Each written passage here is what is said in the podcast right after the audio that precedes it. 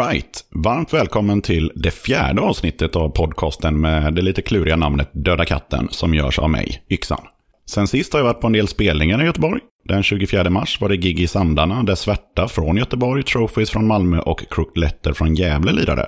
Det var en schysst kväll, lite mindre ställe, ganska intimt sådär, aldrig varit det tidigare, men jävligt trevligt och bra uppstyrt.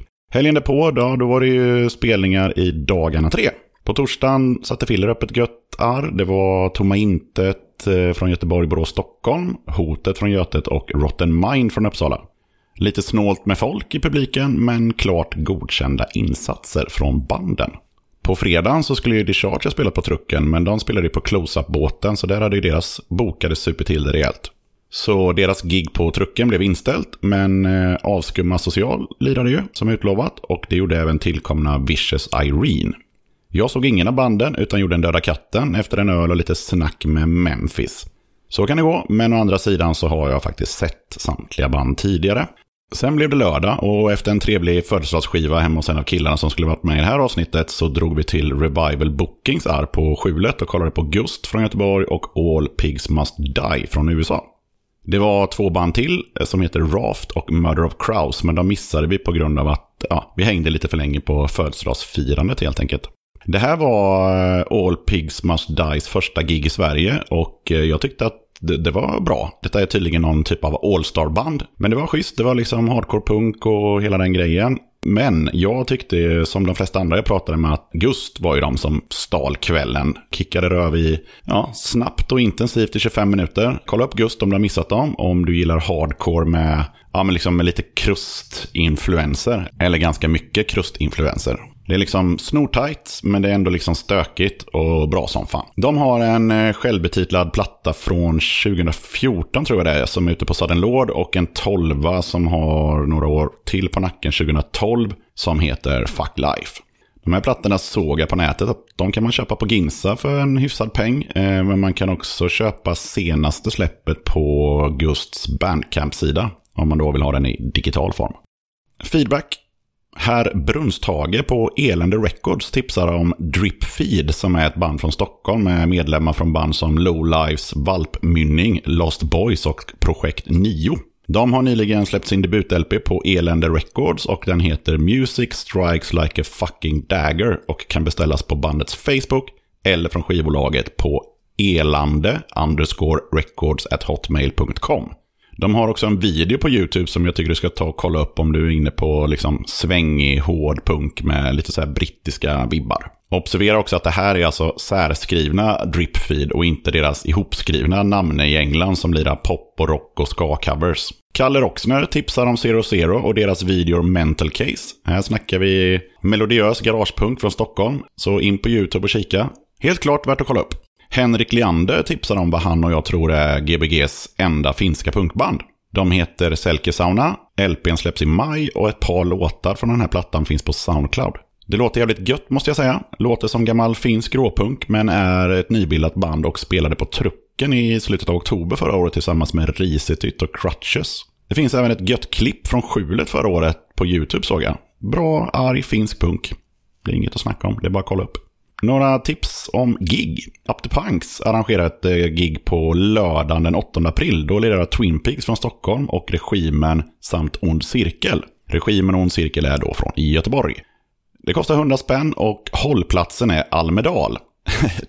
Eh, och det är ju då alltså att eh, exakt adress meddelas dagarna innan och man måste anmäla sig i förväg och det gör man på arrangemanget på Facebook. Klubb Öre Bronx, verkar vara någon nystartad klubb, bjuder upp till dans med Distress från Ryssland, Irritation från Sala och Plan D från Örebro. Och det kommer bli detakt och mangel hela kvällen i Örebro och det är den 15 april på Kulturhuset B-salen.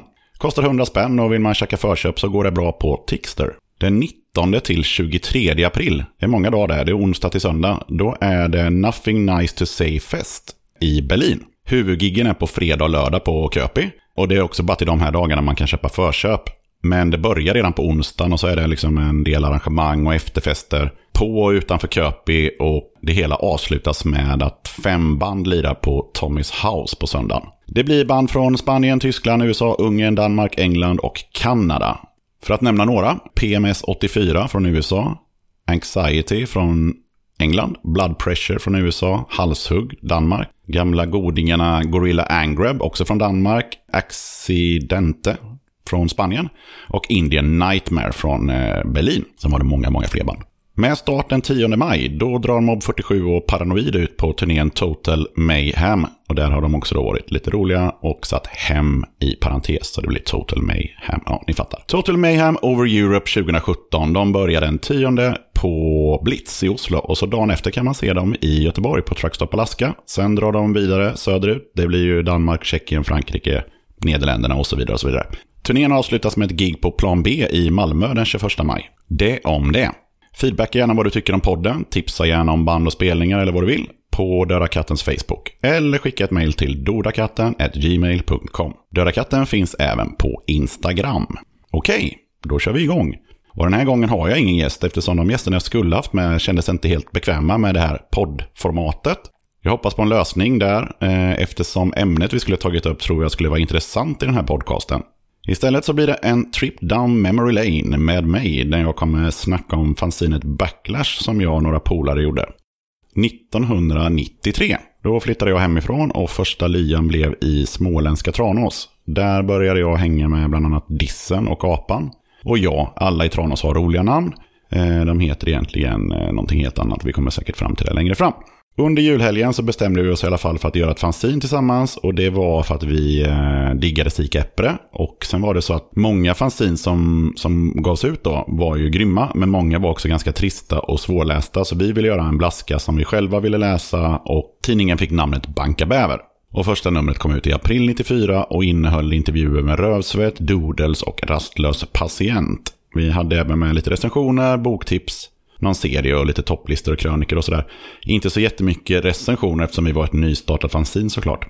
Och när jag bläddrade igenom den här blaskan nyss så, så kunde jag skratta gott åt jargongen och tonen i den här tidningen. Det var ju ganska liksom medvetet pubertalt. Men för att vara ett första nummer så tycker jag det var helt okej. Okay och det går faktiskt fortfarande att läsa eh, vad det står. Vilket man inte kan säga om alla fanzines från den tiden. Och faktiskt en del fanzines idag som man har kopierat på morsans jobb med dålig toner.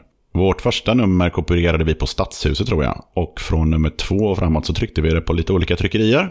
Och det gjorde att svärtan blev eh, riktigt bra. Ett exempel på vår så kallade journalistik är fråga 16 till skåningarna i Doodles. Då frågar vi dem så här. Har ni dragit på er Palestinasjalarna och ockuperat några hus till förmån för folket på Gazaremsan? Eller sitter ni bara hemma och tuperar håret och lyssnar på Tervet Kädet? Så det var ju liksom den typen av frågor, även om, även om det då blandades med, med seriösa frågor om det, hur det går med bandet, planer och sånt där. Men många, många frågor av den och väldigt mycket grövre karaktär för sig gick, lite beroende på hur mycket man kände bandet och så vidare. En annan kul grej med tanke på att KSMB är ute på vägarna nu, 2017, är att jag 94 recenserade deras CD som hette En gång till. Och jag sågar den totalt och ber folk köpa deras Sgt. Pepper som då är en samlings-CD istället. Då. Jag raljerar ordentligt där om, om hur sopigt det där är. Nummer två, Banka Bäver kom ut 95 och den hade samma upplägg. Eh, självklart hade layouten blivit lite snyggare, men det, vi körde ju med liksom klipp och klistra och tuschpenna och tippex och hela den grejen. Eh, lite tjockare blev ju numret då, för vi hade börjat få in lite demos och plattor för, för recensioner och sådär. Och vi hade med Finnen från Finn Records och Svart Snö. Numrets intervjuhöjdpunkt måste ju ändå vara eh, Hans Scheike och hans kvinnor. Den intervjun gjordes live av Dissen.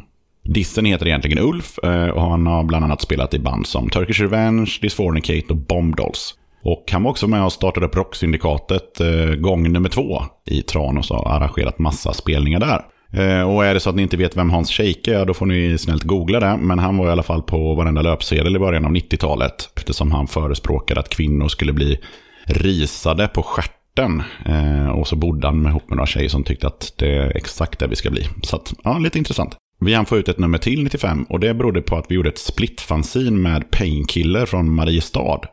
Vi körde, i det numret körde vi all in på Cheng. Vi hade med Disober, Disclosed, Disregard och Disfornicate och dessutom var omslaget ett par kängor på en scen. Eh, och så toppade vi hela kalaset med intervjun med eh, Göteborgsförfattaren Lob. Sen är det lite kul också där med Disclose, för det är kul så här i efterhand att läsa Kabakamis knackiga engelska. Eh, där han bland annat skriver att han skulle vilja skriva texter på svenska. 96 kom fjärde numret ut och då hade vi en jävla massa intervjuer. Det var Mobile Mob Freak Show och Flash Rebels och en, en himla massa mer. Vi hade också utökat redaktionen med en god gubbe som heter eh, Boxy. Eller han kallas det, som jag sa innan, att alla i Tranås har roliga namn. Han var även grabben som startade punkrockbandet Bomb Dolls. Och sen hade han, han jobbade på ett ställe där man kunde skriva ut, för vi hade inte råd med skrivare och toner och grejer, så att vi skrev ut alla bakgrunder till tidningen och alla texter och sånt där. Och det här var ju långt innan de flesta hade internet, så att vi skrev våra texter på våra gamla 386 eller vad vi hade och sparade ner dem på disketter eh, som vi gav till han, som han sen då tog och skrev ut på jobbet. 97, ja, då kom nummer fem ut och jag hade flyttat till Göteborg och så tyckte jag att vi skulle byta namn på fanzinet. Jag var ganska trött på eh, det här Banka Bäver. Tyckte det lät lite fjortis trallpunkigt. Till det här numret så hade även Apan hoppat av. Och vi fortsatte med klipp och klistra, men eh, med fokus på att det fortfarande skulle vara, liksom vara lättläst. Och så hade vi intervjuer med ja, bland annat Varukers. Och så trummisen från Rövsvett, eh, Frank, han eh, skrev en lång krönika och jag läste igenom den faktiskt idag. Och den är fortfarande bra underhållande läsning, även om själva skivköpartipsen kanske inte är direkt högaktuella så här 20 år senare. 98, ja då kom nummer 6 ut och här fick vi lite problem när vi skulle sälja den här tidningen på, på spelningar. För det var ju så man gjorde, man gick runt med en påse och, och sålde och bytte mot bärs eller mot skivor eller andra fanzines. Och det hade gått ganska bra hittills, men just det här numret blev det lite problem eftersom vi intervjuade ett band som heter, eller hette, Tenebre som jag tror är från Malmö. Och så använde vi en bild som de hade haft på någon demo eller platta eller så. Eh, och den bilden eh, hade vi på vårt omslag. Och eh, det hade vi såklart kollat med bandet att det var okej, okay, men det var då alltså ett motiv av en naken kvinna fastsurrad som Jesus på ett träd. Och det, det föll inte alla i smaken helt enkelt. Nu är det liksom en, en konstnärlig bild och, och liksom ingen antikvinno och antifeminist tänkt med alls med det omslaget. Men det blev ett jävla tjafs om det i alla fall. Det är mest råpunk eh, i det här numret. Och, eh, men man märker att man börjar komma in lite på det här med actionrocken. Eftersom eh, vi gör även en intervju med de norska actionrockarna Glucifer. Sen kom det ut ett nummer till, 98. Och det var 108 sidor med så här semiglossomslag. Och här gjorde vi något lite ovanligt. Vi gjorde ett splitfanzin med oss själva. Vi eh, utökade redaktionen med Ernie från eh, No Admission och han var senare med i Henry Fiats Open Sour och tusen andra band. Han och jag gjorde Backlash nummer 8 och så gjorde Dissen och Boxy Banka Bäver nummer 7. Det blev en tidning som räckte till många sittningar på porslinsfåtöljen. Eh, och den var riktigt jävla bra. Emil i Warclubs hade vid den här tiden tappat suget på att fortsätta med sitt fanzine Powerty. Så vi tog med det material som han hade gjort dittills och så slängde vi med det i blaskan. Och hans prylar var jävligt snygga och, och bra. Och det innehöll bland annat en matig och grym intervju med Profane Existence. Och övriga band som var med i det här numret var till exempel Murder, Masslakt, eh, Vermin och Henry Fiats Open Source. 2000, ja då kom nummer 9 ut och då hade vi snöat in på Hanoi Rocks och då gjorde vi en Hanoi Rocks special och intervjuade bland annat Bombstrike och Welfare. Frank bjöd på lite sjuka serier, vi hade fejkade horoskop och tv-tablåer ja, det var spexigt värre helt enkelt. Humorsidorna var alltid med och skämten var oftast interna, torra, bittra. Som det här till exempel. Skämtet hette Njuta av Hultsfred. Se skiten själv på tv med några folle. Pärla. Bättre än att vara där.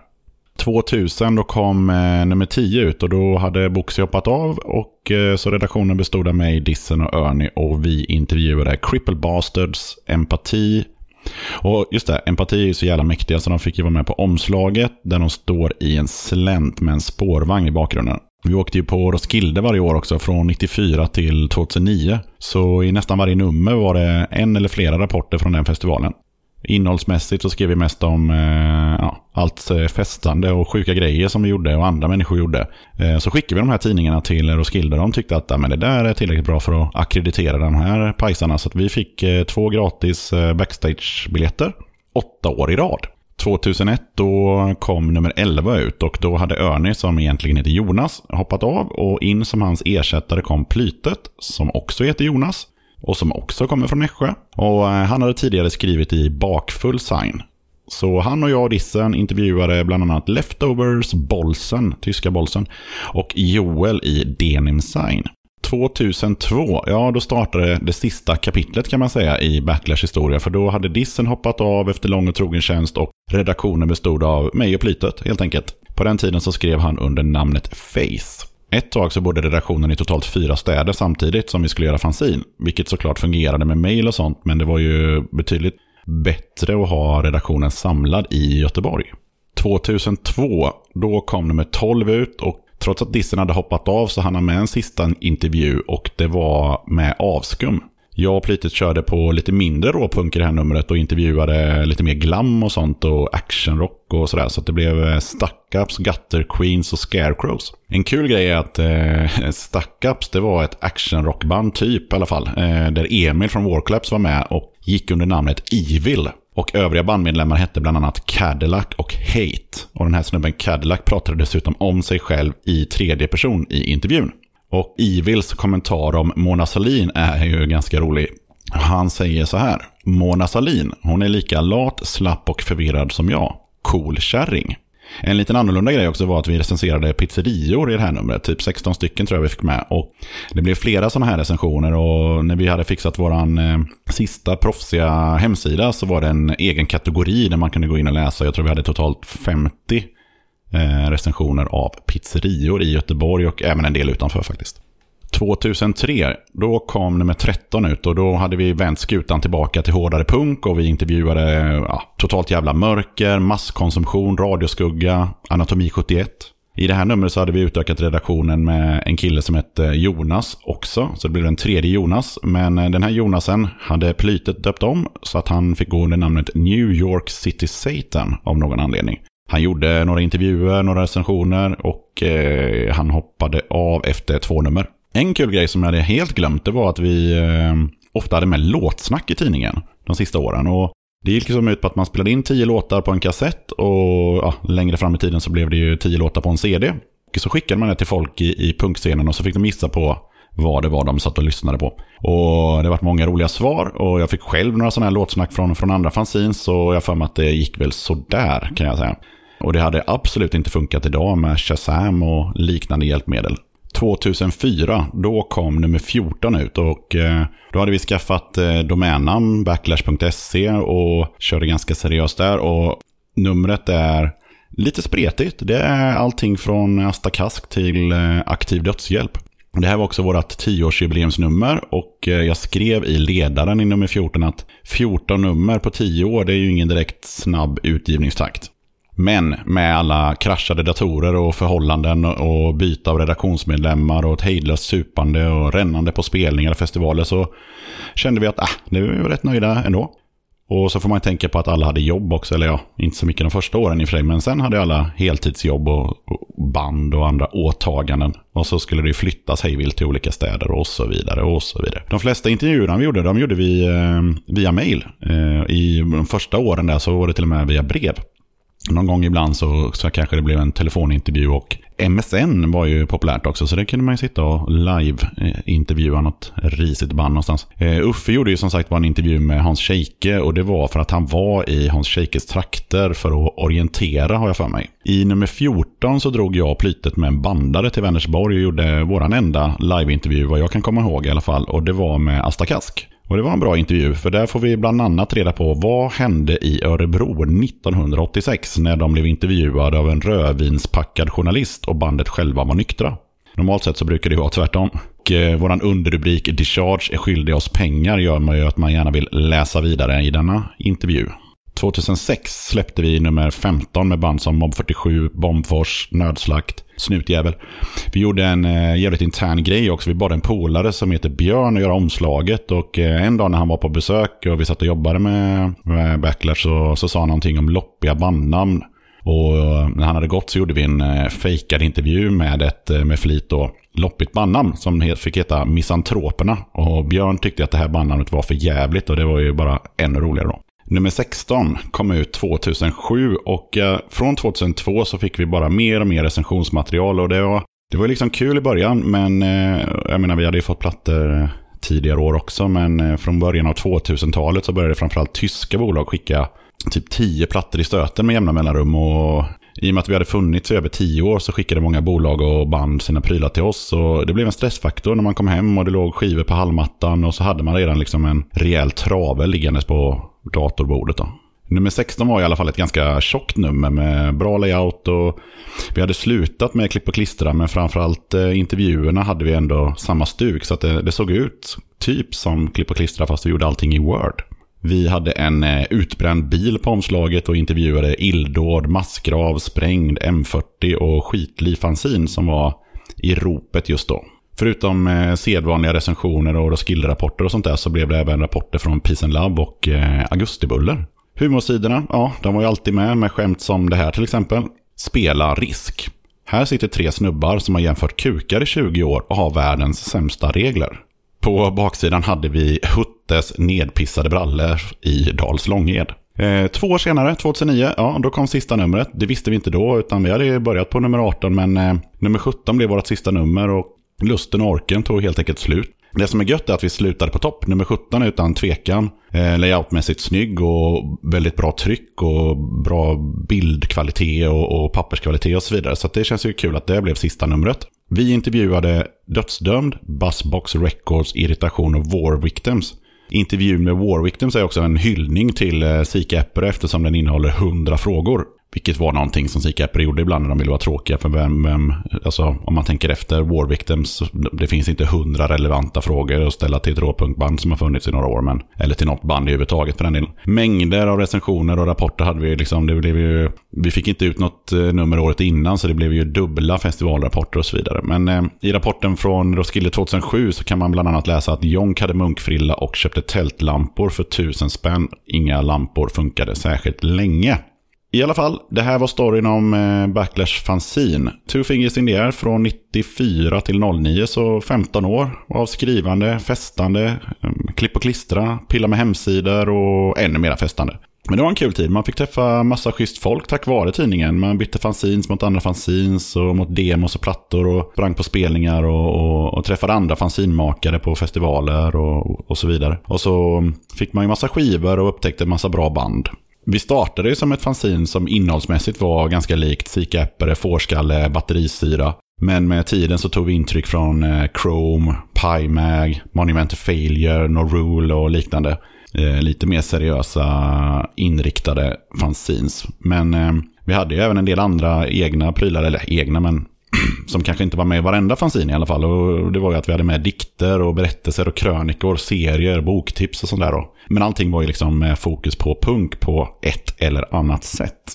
Som jag sa tidigare så tog orken slut och det började kännas som ett tvång och, och, och framförallt det här med recenserandet. Det var svårt liksom att ha feeling när man hade jobbat en hel dag eller, eller om man var bakis och sådär. Så satt vi hemma hos varandra ibland och drack lite bärs och så satt den ena och recenserade och den andra i soffan och bärsade. Och då kunde man ju få lite inputs eh, och idéer och sådär. Så men ofta så satt man ju själv och, och med en folle i, i handen och, och, och lyssnade om och om igen då på, på någonting som man försökte sätta ord på.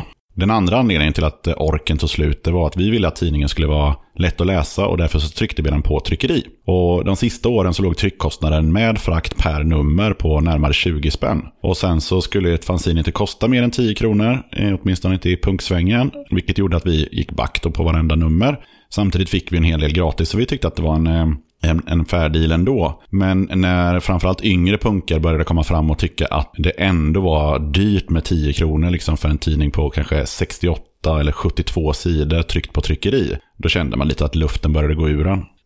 Och när dessutom vissa eh, sa att de inte ens visste vad ett fanzin var, då kände man att okej, okay, nu, nu, nu räcker det liksom. Så det, blev, ah, det började bli pärlor för svin helt enkelt och vi la ner blaskan. När jag var nere i källaren och rotade häromdagen så hittade jag en kartong full med oöppnade kuvert eh, innehållandes skivor som jag har fått för recension då. De har ju några år på nacken men eh, jag tänkte jag ska ta och öppna dem någon dag. Och eh, är det några bra plattor så tänkte jag ha tävlingar där man kan vinna de här skivorna då. Men eh, redan nu tänkte jag köra en tävling där man kan vinna helt otummade nya ex av Backlash som jag hittade i källaren. Så eh, man vinner ett kit bestående av tre nummer. Man får nummer 14 med Astakask, digital dödsmaskin och aktiv dödshjälp och några till. Nummer 16 med bland annat illdåd, massgrav och M40.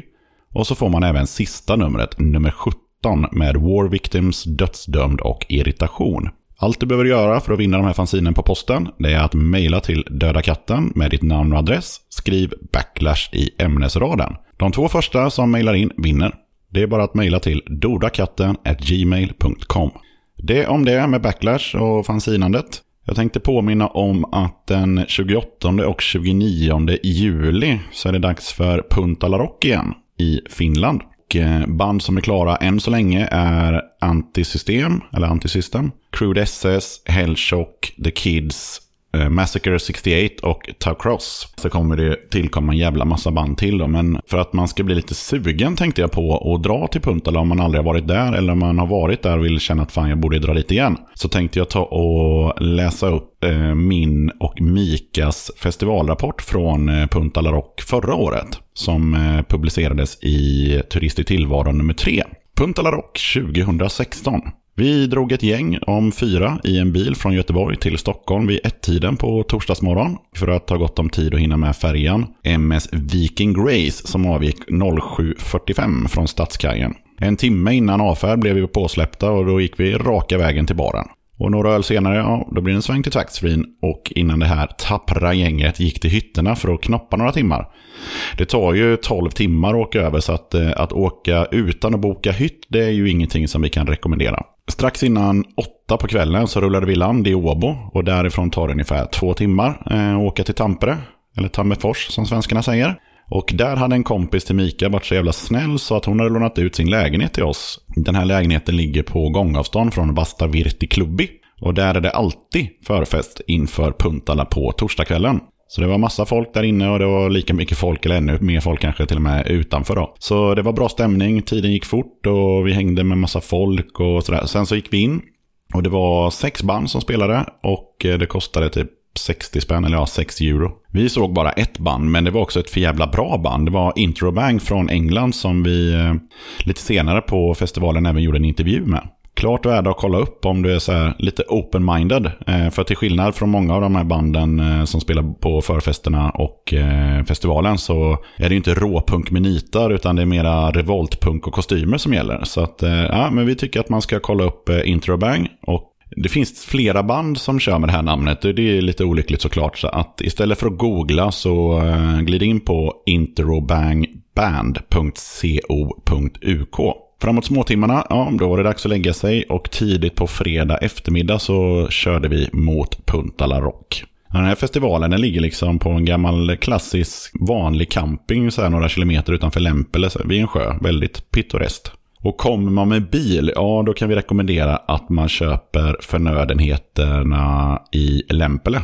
För därifrån tar det inte många minuter att åka till, till festivalen. Då. Och i Lempele så finns det även eh, ett systembolag och systembolag för ni som inte varit i Finland heter Alko. Det kan vara ganska smart att komma tidigt till festivalen om man just åker bil eftersom det finns ingen parkering eh, än så länge för besökare så att man får parkera längs en, en landsväg som går utanför entrén. Det är klart, kommer man sent, ja då kan man ju gå ett par kilometer från bilen till entrén då med, med all sin packning. Det kan ju bli lite segt. Vid eh, fyra på eftermiddagen så öppnar eh, festivalen för besökare och då är det bara att knalla in och slå upp sitt tält och knäcka några lonker.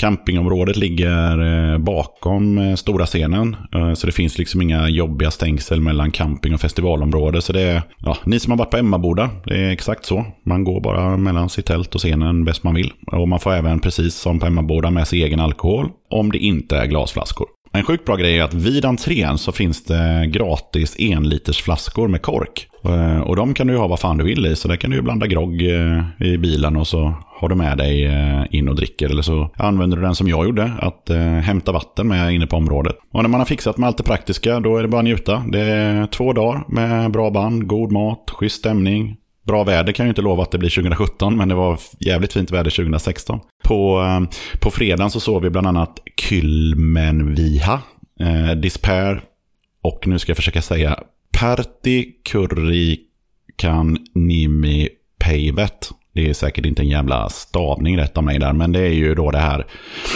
eh, finska bandet som, eh, som var med i Melodifestivalen. Sen var det även eh, Duke Nukem från eh, Ryssland, Antikorpos från Brasilien och ja, Introbank som jag nämnde innan då, som är från England. Och sen såg man ju någon låt här och var med, med de andra banden också. Oavsett om det var lilla scenen eller stora scenen och oavsett varifrån de här banden kom eh, och vad de hade liksom för eh, stuk eller inriktning eller vad jag ska säga så, så fanns det en behållning med det mesta man kikade på. Och den här kvällen och natten avslutades med att vi gjorde en intervju med Introbang och eh, det bjöds på många glada skratt i, i, i backstageområdet kan jag berätta.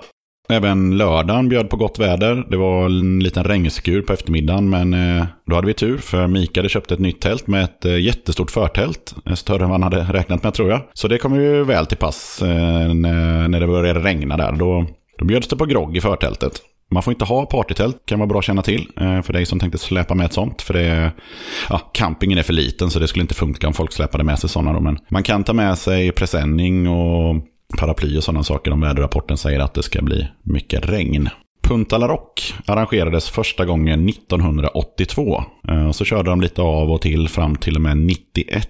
Då la den arrangören av och la festivalen på hyllan. Vi passade på att ta ett snack med Mikko Koiviloma som är en av arrangörerna sedan eh, nystarten 2000. Och de har kört varje år sedan 2000 och de kommer fortsätta, berättar han. Och de har inga planer på att lägga ner. Den här festivalen är ju volontärbaserad och det är ju helt avgörande för festivalens framtid, berättade Mikko. Det bidrar ju också till att hålla inträdet lågt. Så vi, vi frågade så här liksom, hur gör ni för att kunna boka så många utländska band? För jag menar, om de ska flyga och sådär och tight budget och, som festivalen har då. Men då berättar han att förfesterna eh, gör att de internationella banden får betalt två gånger. För att ofta spelar de då på någon av förfesterna som är innan. För det är nämligen förfester även i, i Helsingfors och, och någon annanstans. Spelar de på festivalen så får de lite mer pengar. Eh, plus att de också ibland då kan få betala en del av kostnaderna själva då. Det beror på lite och sådär. Och så försöker de ju framförallt snappa upp band som är ute på turné då. För då, då håller man ju ner kostnaderna om, man, om bandet ändå är in the neighborhood of Scandinavia so to speak. Men eh, många band frågar om att få, få spela och eh, som jag sa där då, då kan det bli att utländska band kan få stå för en del av resekostnaderna just för att Puntala är DIY-festival och arrangörerna vill att inträdet ska vara på en bra nivå. Vi frågade lite framtidsplanerna för festivalen och ja, det var egentligen mest att fortsätta på inslagen väg, det vill säga att ha festivalen på samma ställe. Men de vill gärna få tillgång till en parkering på en åkermark i närheten. Och det kan jag ju, som har varit där, säga att det hade ju varit en otroligt lyft för festivalen. Mikko berättade också att de har som mål att, att göra ja, några, några förbättringar liksom varje år. Efter erfarenhet man lär ju sig varje gång man sätter upp en festival såklart. Men även då från eh, feedback från eh, folk som besöker och har besökt festivalen. Sen är det ju så här, på lördagen så spelar ju fler band. För som jag sa tidigare så börjar ju insläppet 16 på, på fredagen. Jag kommer inte ihåg exakt när första bandet spelar, men kanske 19 då. Men på lördagen då drar de igång mycket tidigare. Och då såg vi en hel del och stora behållningen var ju Ristetytt, Los Crudos såklart. Sen eh, spelade ju ett svenskt band som jag inte har hört talas om innan som heter Stress SS. Och de var jävligt grymma. Tetsu Array från eh, Japan och eh, The System då från England eh, var ju då sista bandet på kvällen där tror jag. Eller ett av de sista i alla fall och, och, och lördagens höjdpunkt för många. Men för oss var höjdpunkten Crudos. Men precis som föregående dag så såg man en hel del annat också som var bra. Men av olika anledningar så stannade man inte till för mer än ett par låtar i, i taget kanske. Angående Los Crudos så var det ett av favoritgiggen som jag nämnde och därför var det självklart att vi skulle spela in en intervju då med eh, den sympatiska sångaren Martin, eller Martin. Intervjun finns att läsa i Turist i tillvaron. Martin tyckte att det var en schysst atmosfär på festivalen. Jag frågade Mika vad han tycker om Punta La Rock och hans svar blev Det är en eh, familjefest och kul att få prata finska. Jag sover tryggt om natten. Bra festival. 11 år i rad och jag åker nästa år igen om ingenting märkvärdigt händer. Bra betyg från Mika med andra ord. Själv så var det första gången jag var där men jag måste säga att jag var positivt överraskad. Det påminner lite om eh, Emmaboda om man ser till storlek och upplägg. Man känner sig ovanligt fräsch när man kommer hem från festivalen. Jävligt schysst att se att besökarna respekterar festivalen genom att inte klottra och förstöra. Och de använder de plåttunnor som finns för fimpar när de har rökt klart och slänger sitt skräp och burkar där det är anvisat. Mattias, även kallad Bandan, säger att jag har varit här sex gånger, det är alltid trevligt och avslappnat. Tycker absolut man ska åka hit om man inte har varit här innan. På söndagen vaknade vi upp av att solen värmde på ordentligt i tälten så det var bara att plocka ihop sitt pick och pack och åka till Tampere. På vägen köpte vi en present till Sylvie vars lägenhet vi hade fått eh, använda. Det var efterfest på Vasta Virta där man kunde se Tetsuarai igen eller om man hade missat dem. The System, Selfish och ett finskt band och något mer band, så det var lite fler band. Och hela kalaset kostade 8 euro. Vid femtiden på måndag morgon packade vi ihop oss och åkte till Åbo och tog färjan tillbaka till Stockholm vid nio tiden på morgonen. På resan över så sovs det en hel del och någon i sällskapet löste ut brandlarmet i sin hytt när han duschade så att han fick påhälsning av ordningsvakten men förutom det så gick det hela lugnt till. Efter ett gäng timmars bilkörande så rullade fyra nöjda, trötta festivaler in i Göteborg vid ett-tiden på tisdag morgon och äventyret var över för denna gång. Lite info, fakta, snabbfakta om Punta La Rock. Billigaste sättet att ta sig hit från Sverige, Viking Line. Helt klart. Fixa medlemskort, det är gratis, så får du rabatt på hytt och resa samt poäng när du drar kortet när du handlar ombord. Förfester innan festivalen äger rum i Tammerfors, Åbo och Helsingfors. Efterfest på söndagen i Tammerfors. Det går bussar till och från festivalen. Bussarna går från Tampere och Lempele under fredag och lördag flera gånger om dagen. Det går att åka till festivalen med buss från Helsingfors. Närmaste flygplats, Tampere Pirkkala. Men Det ligger ungefär en mil från festivalen. Priser, helt vanliga festivalpriser på mat och öl inne på området. Gratis vattenflaskor via entrén. Möjlighet att fylla på vatten på campingen. Badmöjligheter. Var uppmärksam när de släpper in och ut folk från badet så att du inte missar din chans. Detta sker från campingens stängsel närmast vattnet. Parkering längs vägen på ena sidan av en landsväg. Kom i tid om du vill ha bekvämt avstånd till bilen under festivalen. Alkohol. Köp på båten, det sparar du massor på. Alko, Systembolaget samt butiker som säljer öl och cider finns i Lempele som ligger nära festivalen. Förbjudet att ta med in. Hundar och andra djur samt glasflaskor Givetvis är det inte tillåtet med vapen och droger på festivalen. Antal scener. Det finns två scener, det är Main Stage och Camp Stage. Giggen på de här scenerna krockar sällan. Snittålder, något högre än på Hultsfred kommer fram till. Det finns en hel del gamla rävar och en hel del yngre rävar. Och det finns ingen åldersgräns på festivalen. Antal störiga ordningsvakter, noll. Och det var egentligen allt från Punta La Rock 2016. Hoppas att du blev taggad på att åka dit. Det är en festival som jag varmt kan rekommendera. Då börjar vi närma oss slutet av avsnitt 4 och jag tänker knyta ihop säcken på följande vis. Tidigare pratade jag om Disclose eftersom vi intervjuade sångaren Kabakami i det andra numret av Banka Bäver som kom ut 1995.